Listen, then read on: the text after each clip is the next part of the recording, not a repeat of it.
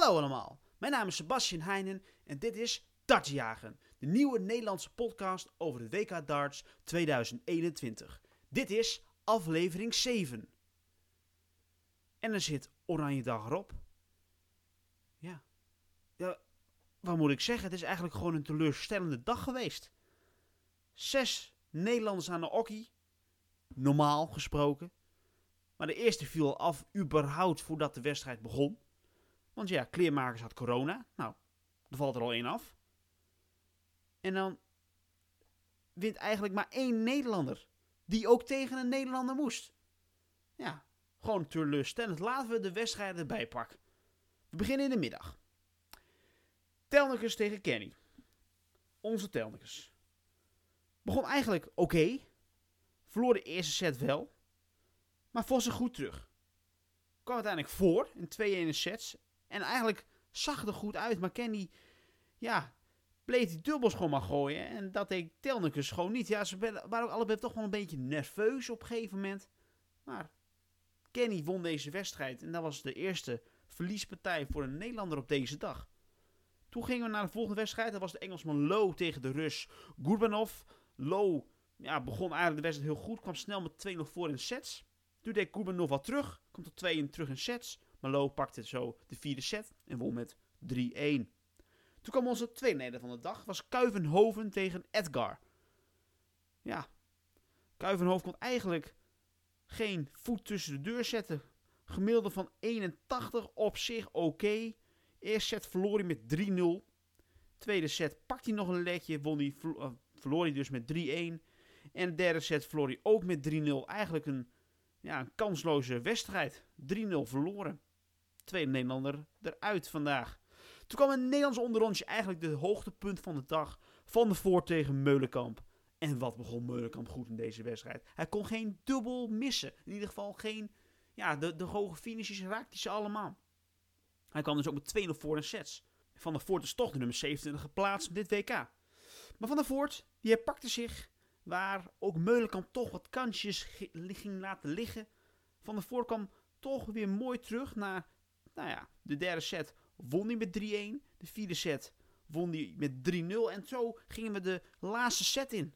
En deze set, ja, wat een spanning. Iedereen hield zijn eigen legs. Dus kwam het uit op de beslissende leg en de beslissende set. En Van der Voort met al zijn ervaringen, want het is zijn twintigste WK.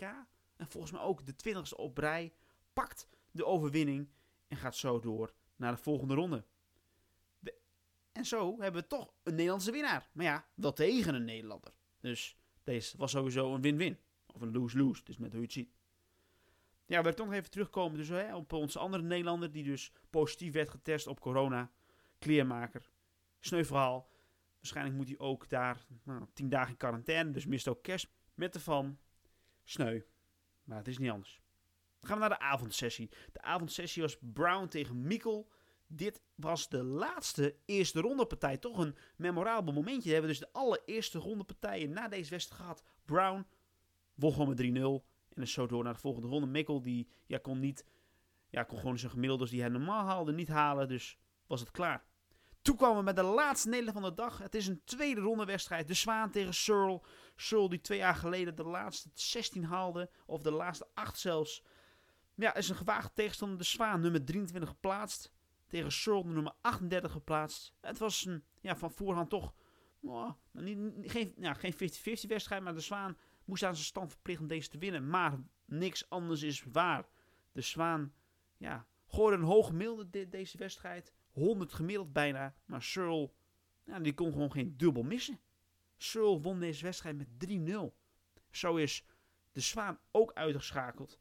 En hebben we deze oranje dag zes Nederlanders gehad. Vijf eruit. Eén door. En die moest ook nog tegen een Nederlander. Dus we kunnen eigenlijk toch wel zeggen dat dit een deceptiedag is voor onze ja, oranje mannen. En nog de laatste wedstrijd van de avond. Dat was Clay tegen Henderson, ook een tweede ronde partij. Zoals ik al zei, vanaf nu zijn het alleen maar tweede ronde partijen. En daarna, na kerst, gaan we door met de ronde drie partijen. Maar dat was Clayton tegen Henderson.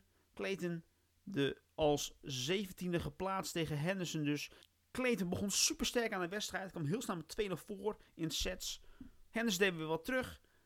En begon Clayton daardoor ook wat dubbels te missen. Henderson kwam zelf voor met 2-0 in legs in de vierde set om door te stomen. Maar toen miste hij wat, uh, wat pijlen op de dubbels. En zo won Clayton toch nog de wedstrijd met 3-1 in sets. Ja, zoals ik al zei, de allereerste 100 partijen zijn voorbij. Nu gaan we ons dus vooral focussen op de tweede 100 partij. Morgen. Morgen hebben we geen middagsessie. Ik weet niet waarom, maar ik denk omdat het maandag is en omdat het precies zo uitkomt. Morgen hebben we alleen een avondsessie. Vier wedstrijden. We beginnen met Ratajski tegen Joyce. Ratajski als uh, vijftiende geplaatst. Joyce die won van de Tsjech Sedlacek in de eerste ronde. Een van mijn favorieten. Dus ja, Joyce kan wel wat zeker. Maar Ratajski is een taaie klant. De Prol. Ik verwacht hier Ratajski op top. Dan krijgen we Ian White tegen Kim Huibrechts.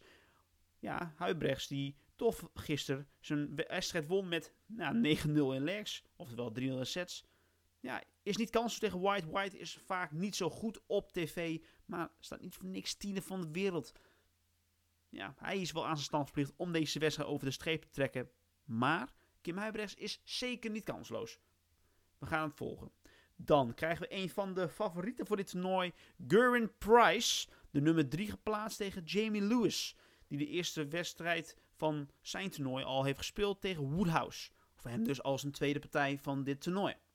Price, ja, de man in vorm dit jaar, heeft vele tv-toernooien gewonnen. Vele, ja, ook vloertoernooien. Is denk ik de man in vorm als je het hele jaar pakt. Dit lijkt mij toch een wedstrijd die zeker Price zijn kant op moet vallen. Maar, ja, het is een eerste wedstrijd voor hem op dit toernooi. Is hij scherp? Dat gaan we dus vanavond zien en beleven. Dan komen de laatste wedstrijd van de avond. Dit is een Duits onderrondje. De, ik denk de beste Duits op dit moment. Clemens, nummer 31 van de wereld. Tegen Nico Koers. Die ja, zijn eerste wedstrijd van het toernooi wel al heeft gespeeld en ook heeft gewonnen. Ja, sowieso een Duits dus bij de laatste 32. Ik denk dat Clemens deze zeker gaat pakken. Koers die ja, qua gemiddeldes kan die denk ik Clemens niet bijhouden. Zo gaan we deze dag dus ja, afsluiten. Als in de Oranje Dag. Het is ja, toch een deceptie geweest voor mij. Ik vond het jammer. Ik had er meer van verwacht. Ik had, ja, ik had gewoon verwacht dat eigenlijk alle Nederlanders zouden winnen. Op dan natuurlijk het Nederlands onderrondje na. Ja, we hebben nog zeker nog wat ijs in de vuur. Dinsdag krijgen we nog twee Nederlanders. Hebben we Noppert en Van Duivenbode in de tweede ronde. Dan krijgen we woensdag nog Watimena. Dus we hebben nogal wat te zien voor, voor de kerstdagen. Wat de Nederlanders betreft natuurlijk. Ja, ik dank jullie allemaal weer voor het uh, luisteren van mijn podcast. Like mijn Facebookpagina, volg me op Twitter. En als je vragen hebt, via die kanalen kan je zeker ook je vraag stellen aan mij. Ik dank jullie dus nogmaals en hey, fijne dag vandaag. En we gaan de kerst nu echt wel tegemoet. Bye.